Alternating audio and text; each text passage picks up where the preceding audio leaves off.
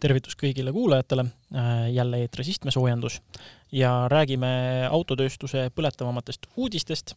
Ja kuigi tavaliselt on meil olnud ka proovisõiduauto, siis see, selles saates on natuke teisipidi, et proovisõiduautod sellesse saatesse ei mahu, küll aga veidike pikem arutelu autotööstuse tulevikutrendide osas Mobire Grupi tegevjuhiga ja muus osas äh, on üks tore proovisõidu asi, mida juba võib, äh, ütleme, õrritada, et mida oodata.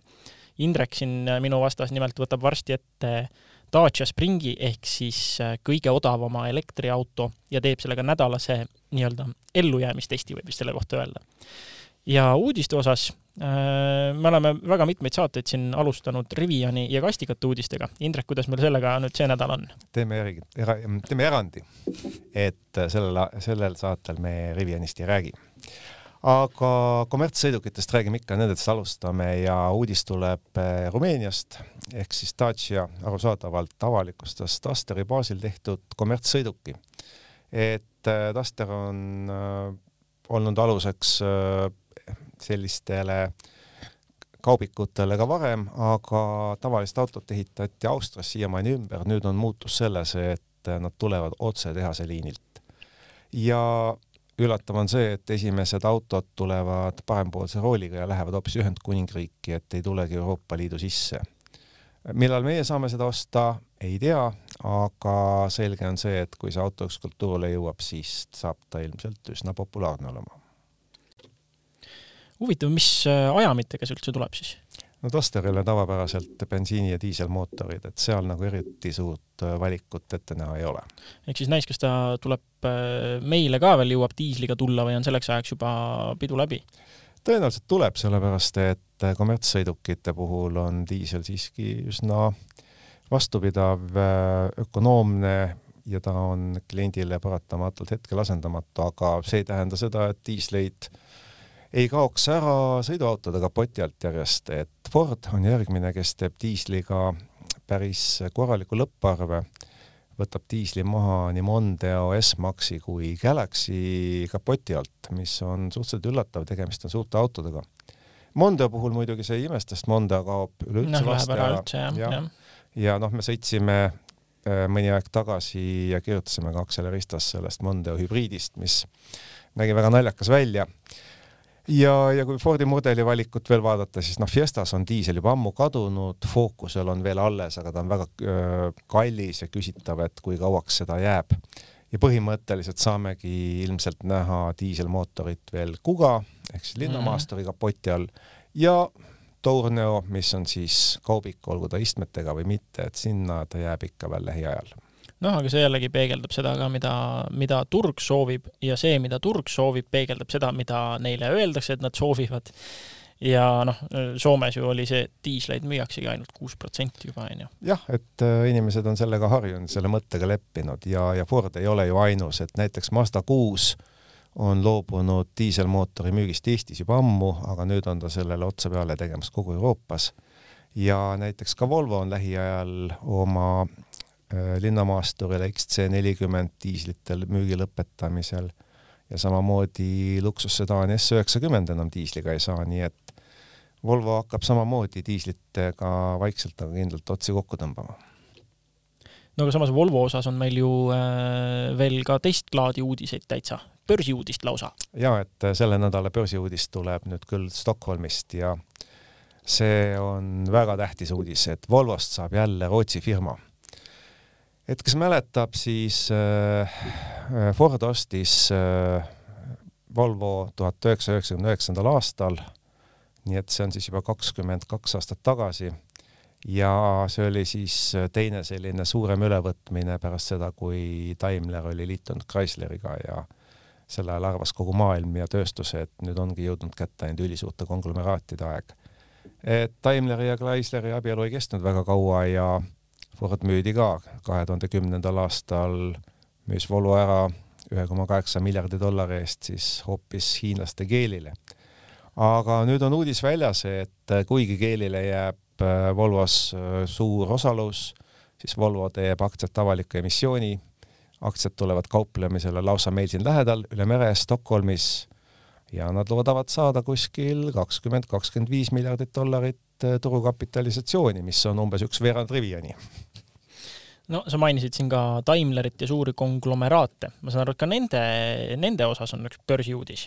ja, et teine börsiuudis tuleb Saksamaalt, et äh, Daimler pinnib nüüd välja oma veoautode divisjoni, et kui varem oli üks aktsia, siis nüüd on kaks ja meil on kaks täiesti eraldi firmat, mõlemad Frankfurdi börsil, üks on siis veoautode ja busside divisjon ja teine on siis täiesti eraldi firma, mis toodab ainult sõiduautosid nimega siis Mercedes-Benz Cars, et kui ettevõtte nimi on kogu aeg kasutanud Daimlerit, siis nüüd on see Daimler sealt kadunud. Daimler on jäänud veoautodele, Daimler Truck on selle nimi. aga sõiduautosid äh, toodab siis firma nimega Mercedes-Benz Cars.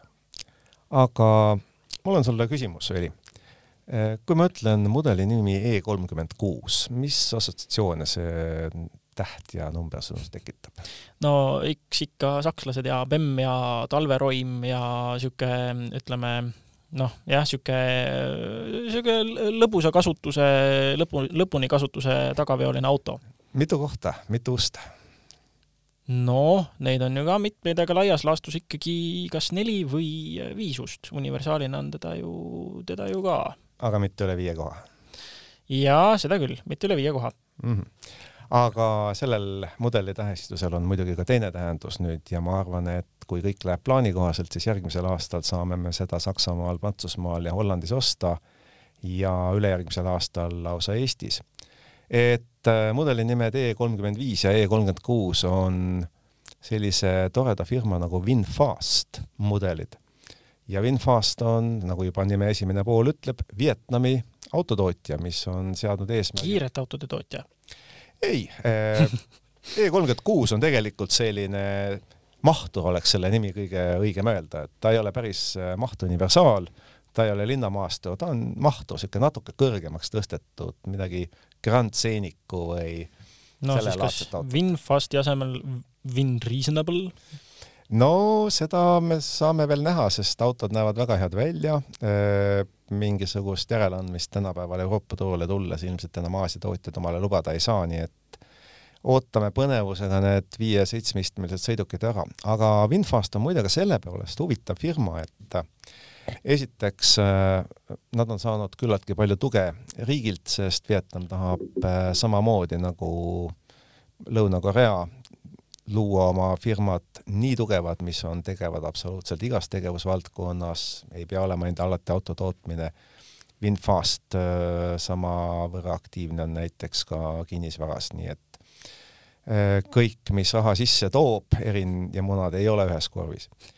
ja samas on see tegu huvitava firmaga, kellele Covid lõi väga äh, tugevalt, nad omasid suurt arenduskeskust Austraalias, kasutasid seal välismaist know-how'd ohtralt, seda Austraalias ju on, sest Holdeni mm -hmm. tootmine teatavasti lõppes ja. ära ja paljud inimesed ja kogemused jäid kasutult seisma. ja tänu Covidile võeti uuesti ja toodi nad kõik Vietnamisse kokku, et äh, kas see otsus on hea või halb, tundub praegu, et vähemasti ei ole see autode kvaliteedile mõjunud. samas äh, nüüd tuleks korra tulla ka Eestisse ja tegelikult äh, oleks võinud juba eelmine nädal seda mainida, aga jäi mainimata paraku, aga Seat tõi nüüd ähm, mudeli värskenduse läbinud äh, Arona ja Ibiza meile Eestisse. Ja tegelikult ju sa said selle uue Aronaga ka sõita ja oma arvamused äh, juba kõik kirja panna. see on nii Akseka lehel kui Delfi Fortes leitav, kes tahavad, lähevad, loevad nende kohta aga laias laastus on nüüd äh, olemas meil siis äh, Ibiza näol ka Polo aseaine jälle Eestisse, sest äh, Polo enam meil saada ei ole, onju.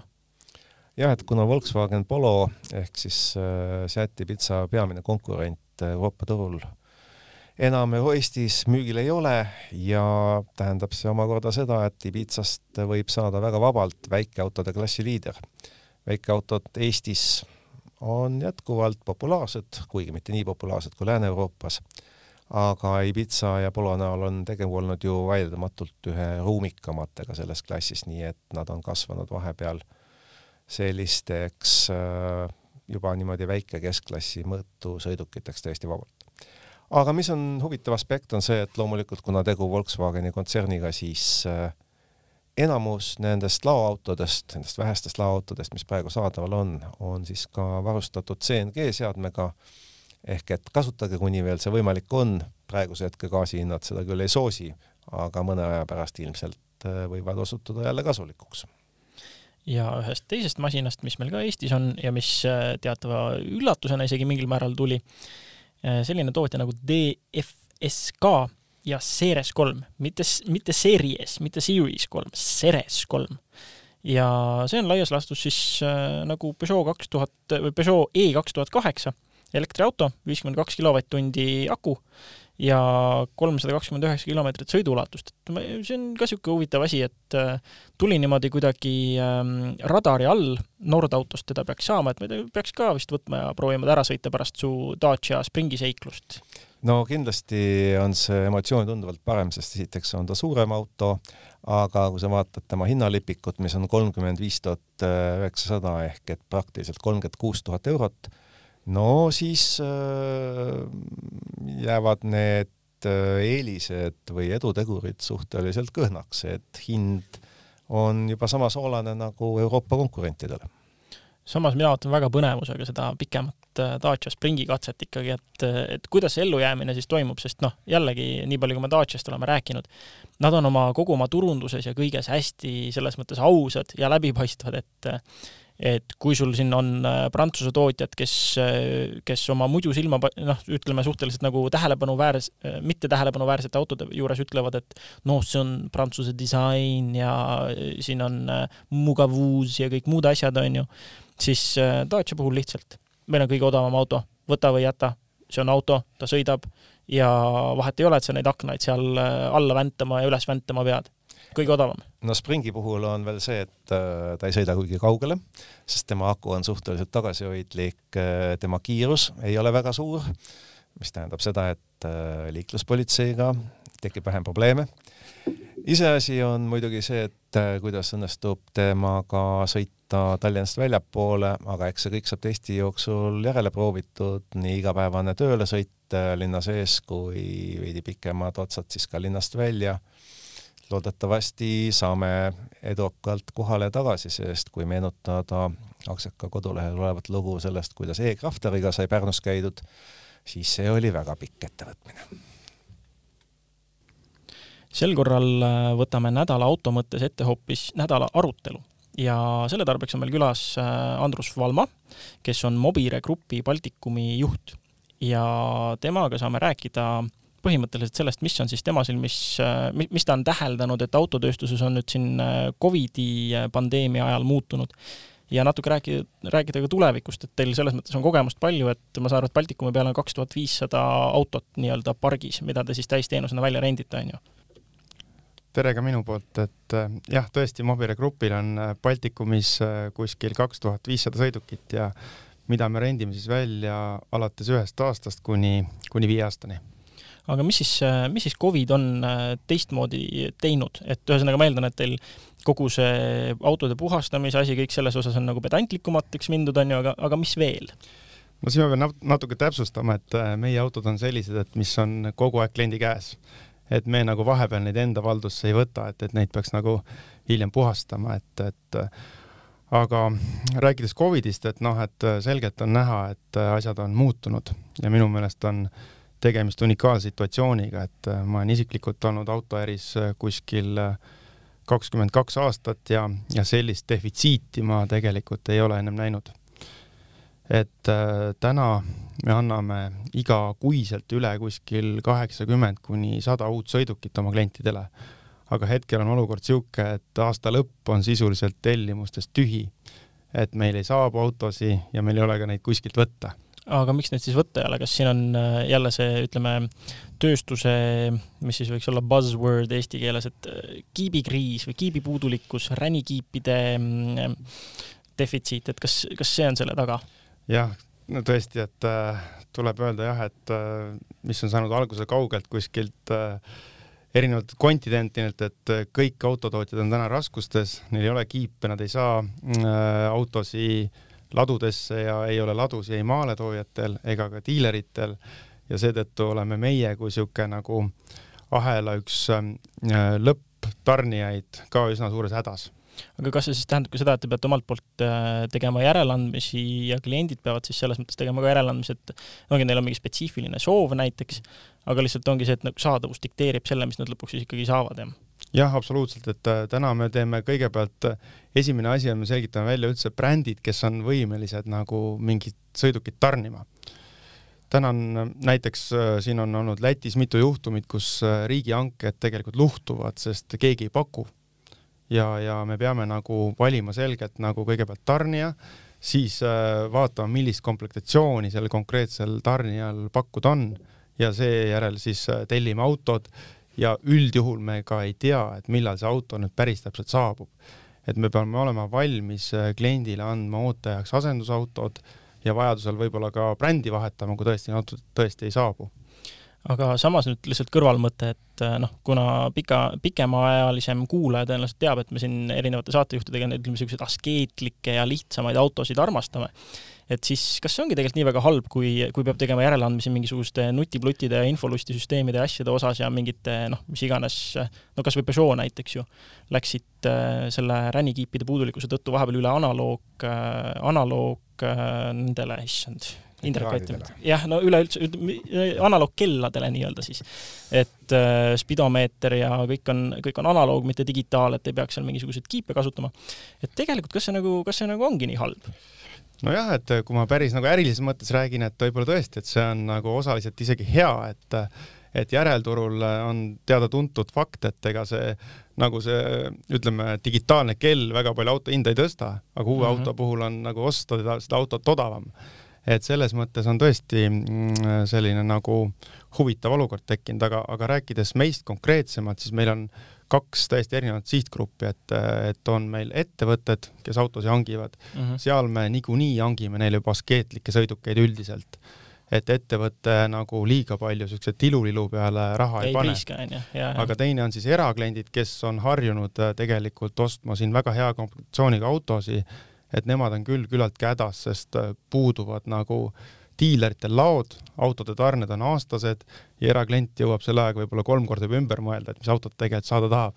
aga kas nad siis ütleme, on eraklientide poolt siis just nagu rohkem niisugust vingumist või rahulolematust ka või on see pigem selline, selline baltlase leplikkus? no siin tuleb öelda seda, et tegelikult täna on ka eraklient äh, läinud äh, sellise tarbimise peale, ta tähendab seda, et ta võtab auto, mida on saada, et ta nagu teeb järeleandmise selgelt selles osas, et et okei okay,, et ma ei saa võib-olla seda ühte brändi, aga ma olen nõus nüüd teisega sõitma, mida ma ennem ütlesin, on täielik no,, et ma ei võta seda autot. täna tal on saada ja sellega ta sõidab.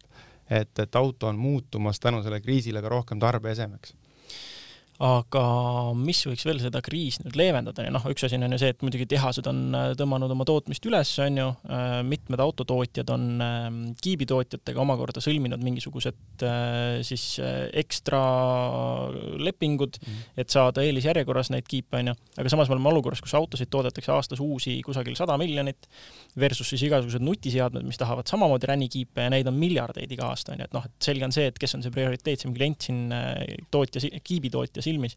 et mis, noh, mis seda leevendada võiks, et teine asi on see, et kui meil nüüd äh, kõik äh, keeravad omal tootmise põhja, siis varsti oleme me hoopis nagu üle uputatud, et need ähm, ütleme, parkides seisvad autod, mis ootavad kiipide järgi, ähm, et äh, mingil hetkel oleme hoopis võib-olla üle uputatud või, või mis, mis siis seda veel leevendada võiks? no eks leevendada, noh, meie kui täisteenusrendi ettevõtte poolt annab see, et nagu neid parke ikkagi varem planeerida et see tähendab, me näeme oma äriklientide lepingute lõppemisi võib-olla siin aasta või rohkem ette, eks ole, sa tellidki auto aasta aega ette ja selle ajaga saad selle auto kätte. teine asi on see, et mis seda leevendada võib, et eks, eks nagu mingil määral tarbimisharjumused inimestel muutuvad, nad võib-olla sõidavadki selle rohkem kasutatud autoga tal ei ole probleem sellega, näiteks noh, ma ei tea, liising lõpeb siin viie aastaga või rendileping on ju, ja siis ta sõidab veel kolm aastat sellega, ta, ta see vahetamistsükkel läheb pikemaks. et aga otseselt tehaste poole pealt, ega jah, et need on juba suuremad kokkulepped tehaste ja kiibitootjate vahel, aga eks kõik pingutavad. aga nagu näha, et siin maailma suuremad autotootjadki on nagu oma mahtusi siin kolmkümmend, nelikümmend protsenti vähendanud järgmiseks aastaks, et see on ikkagi nagu tohutu kogus üleüldiselt. ja see on ka huvitav trend, mida ma olen ka täheldanud, et väga, väga mitmed tootjad on jah öelnud, et nad ei tooda enam nagu nii äh, agaralt ette kui enne ja samamoodi müüjad ei hoiagi enam sellist laoseisu nagu enne, et, et kõik käibki tellimise peale, noh lisaks veel siis see on ju, et äh, autotootjad viivad oma tellimise üleüldse internetti. noh, Volvo näide on näiteks see, et Volvo hakkab ju pakkuma seda mingit juba eelkomplekteeritud autot vist oma no, mingisuguse tarkvara abil, et noh, ongi, annab sulle erinevad paketid ette ja sealt siis valid ja see on, ütleme nii-öelda kiirem, kiirem protsess, see tellimine lõppkokkuvõttes ja ilma mingisuguse niisuguse ületootmiseta, on ju. aga mis, mis trendid siin nagu tulevikus veel paista võivad? no selles mõttes see on jah, õige tee, mis need autotootjad teevad, et, et niisugused eelkomplekteeritud autod, et kliendil nagu võib-olla niisugune nagu sõnaõigus natukene tulevikus väheneb või tähendab, ta nagu käitub teistmoodi, ta ei ole nõus ootama, ma ei tea, mingis ühe teistsuguse istmekatte materjali pärast autot aasta aega, vaid ta võtab selle, mis on ja, ja saab selle kohe. et see on üks asi, et, et me ise teeme täpselt samamoodi, et me oleme hakanud viimasel ajal nagu mõningaid autosid endale lattu sisse tellima. see tähendab, me tellime autod ette, meil ei ole võib-olla seal klienti veel, aga see klient selle protsessi käigus tekib selle autole et, et, et muidu me ei saaks seda äri teha, et inimene ei ole nõus rendiautot ootama, noh, ma ei tea, aasta või mm, -hmm. või kaheksa kuud või viis kuud, onju.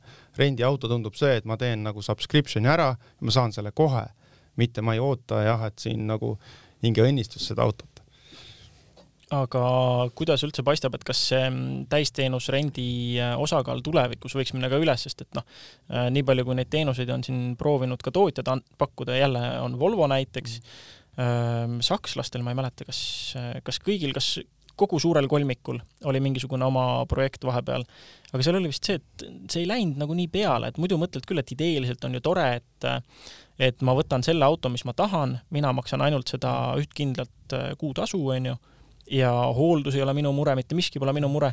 aga kas seal, seal oli vist kas äkki see, et nagu tootjad ise tundsid, et nad tulistasid endale sellega jalga ja natuke liiga palju lubasid või kuidas, kuidas see teil nagu lahendatud on, et te, et te endale liiga ei tee kogu selle protsessi käigus siis? jah, siin tuleb võib-olla vahet teha nendel erinevatel sõiduki kasutamise viisidel, et, et et jah, BMW ja Mercedes kuna tegid, kuna tegid koos seda auto jagamise teenust, et meie nagu päris seda auto jagamist ei paku, et noh, Eestis on näitena siin nagu Bolt ja Citybee, et nemad siis noh, pakuvad nii-öelda takso analoogi mm. -hmm. et äh, siis on veel vahepealne toode on lühirent, mis tähendab seda, et no mis on näiteks täna, ma ei tea, Avis, Europcar, Hertz, eks ole, need, kes mm -hmm. pakuvad siin ütleme kuni kuuks ajaks renditeenust, et äh, nemad on liikumas ka selles suunas, et nad automatiseerivad omal selle äri ära võib-olla mõnes mõttes aga see ei ole päris sharing, see on nagu mm, -hmm. kui sa võtad kaheks nädalaks autoks, auto, siis sul ei ole nii oluline saada seda kohe nagu maja kõrvalt et, et sa võid selle saada kuskilt kaugemalt, aga sa saad selle automatiseeritud kujul.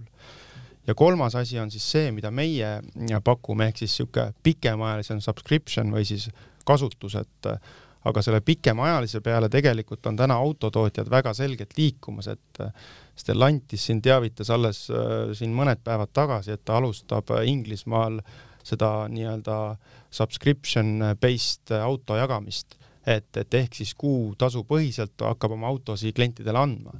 ja, ja teised on samamoodi liikumas sinna, et noh, Volkswageni tehing on pooleli siin Europcari omandamiseks, mis mhm. tegelikult mm -hmm. näitab, et ta on ka liikumas selleni, et ta, ta soovib väljundit peale autode müügi kuidagimoodi neid autosid nagu tänavatele anda.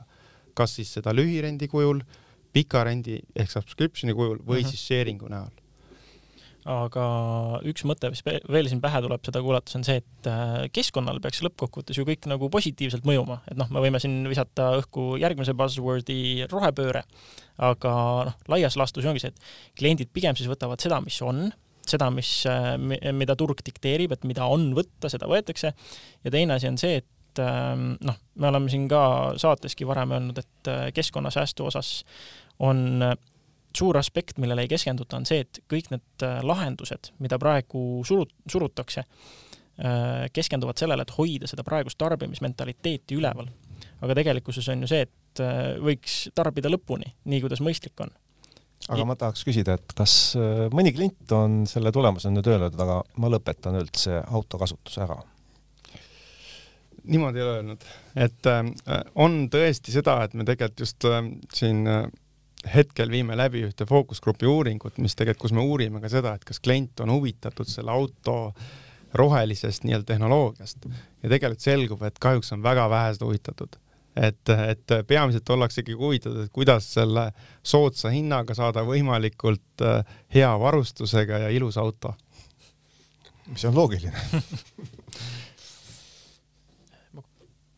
ühesõnaga, klient rohelist ei taha, samas valitsused sunnivad peale. aga kas kliendil üldse on tulevikus valikut, et äh, me isegi rääkimata nii kaugest ajast nagu kaks tuhat kolmkümmend viis, aga juba aastal kaks tuhat kolmkümmend, et mis valikud kliendil on, Eesti kliendil? no hetkeseisuga on Eesti kliendil valikud head, sest äh, riik väga palju ei, ei soosi, ütleme siis uutele tehnoloogiatele üleminekut.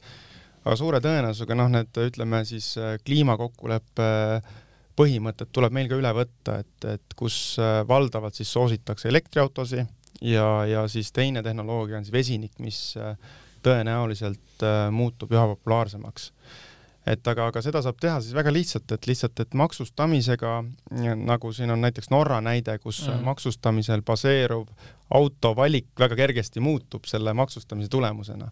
et ega muidu ei ole seal Tesla enim müüdud auto mingitel kuudel. no ja nüüd oli ju ka see, et Norras tegelikult äh, kui pikas lõikes nüüd oli, kas, kas viimane kuu oli see, kus müüdi äh, elektriautosid nüüd rohkem kui bensiini ja diisel- ja hübriidautosid kokku, onju? nii oli.